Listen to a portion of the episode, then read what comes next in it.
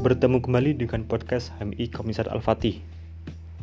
Untuk melanjutkan dari KMO yang kemarin mengenai kepemimpinan Sekarang kita akan membahas mengenai manajemen. Mungkin dari teman-teman tidak asing dengan apa itu manajemen. Bila kita mempelajari literatur manajemen mengandung tiga pengertian dalam istilahnya manajemen sebagai sebuah proses, manajemen sebagai kolektivitas memanajemen. Yang ketiga, manajemen sebagai suatu seni dan sekaligus suatu ilmu. Cara mudahnya mengenai manajemen itu sendiri yakni pengelolaan akan penataan. Eh, di samping ada manajemen juga uh, ada istilah manajer. Kalau manajer kan orang yang mengelola. Kalau manajemen sendiri pengelolaan akan penataan. Uh, dari sekian pengertian, manajemen itu mempunyai fungsi.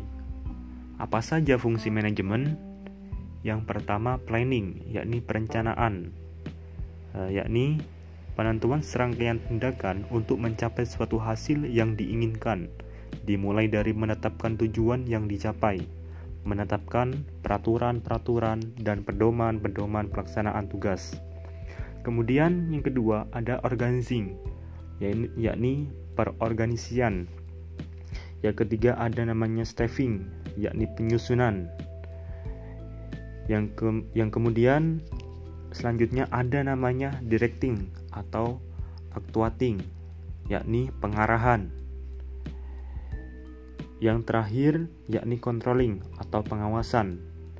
Controlling ini berupa pengadaan penilaian sekaligus bila perlu mengadakan koreksi atau evaluasi. Ini adalah fungsi dari manajemen tersebut. Manaj fungsi dari manajemen.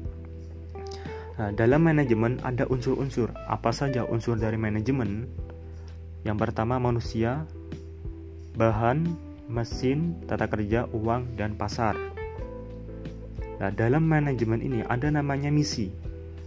Misi adalah cita-cita atau bentuk ideal suatu organisasi atau tim kerja di masa depan. Kalau ada misi, pastinya ada visi. Apa itu visi? Pandangan jauh ke depan yang tidak terlihat dengan mata telanjang. Contoh, Contoh dari visi, wujudkan HMI sebagai organisasi yang mencetak manusia berkualitas 5 insan kita pada tahun 2030. Itu contoh dari visi. Nah, kalau dari visi ini, manfaatnya membuat pekerjaan menyenangkan, memberi nilai tambah pada pekerjaan, meramalkan masa depan, menciptakan kreativitas. Kemudian ada tujuan. Tujuan ini adalah uh, sebagai uh, hal atau setelah adanya organisasi atau tim kerja menentukan misi dan misi sebagai menara-menara pendakian, yakni uh, langkah selanjutnya yang untuk menentukan tujuan rasional yang akan dicapai dalam kurun waktu tertentu. Itu tujuan. Kemudian ada target, yakni pencapaian suatu organisasi kalau dilihat dari manfaat target ini, memudahkan membuat perencanaan, mengembangkan individu, membantu mengevaluasi progres, memacu motivasi, menciptakan prioritas dan fokus. Banyak sekali manfaat dari target itu tersebut. Kemudian ada namanya organisasi. Dalam hal ini mengenai organisasi banyak sekali beberapa macam. Kita harus paham dulu apa definisi dari organisasi tersebut? Entah mengapa kalau kita tidak memahami organisasi pengertiannya itu apa kita akan uh, kurang maksimal untuk melakukan hal di dalam organisasi tersebut jadi, untuk organisasi ialah sekelompok orang yang memiliki tujuan yang sama, memiliki ADART, sistematis, memiliki legalitas, tujuan dan manfaatnya dirasakan oleh masyarakat luas. Yang pastinya dalam organisasi jumlah anggotanya banyak. Kalau dalam bahasa Arab artinya jamak itu lebih dari tiga. Jadi seperti itu. Nah, dalam mengolah organisasi ada beberapa langkah. Yang pertama input, kedua proses, yang ketiga output. Hal ini yang perlu ditekankan dalam sebuah organisasi.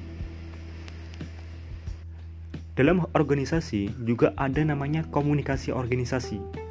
Yang pertama, komunikasi vertikal antara pimpinan dan bawahan yang kedua ada komunikasi horizontal antara bawahan dengan bawahan, pimpinan dan pimpinan.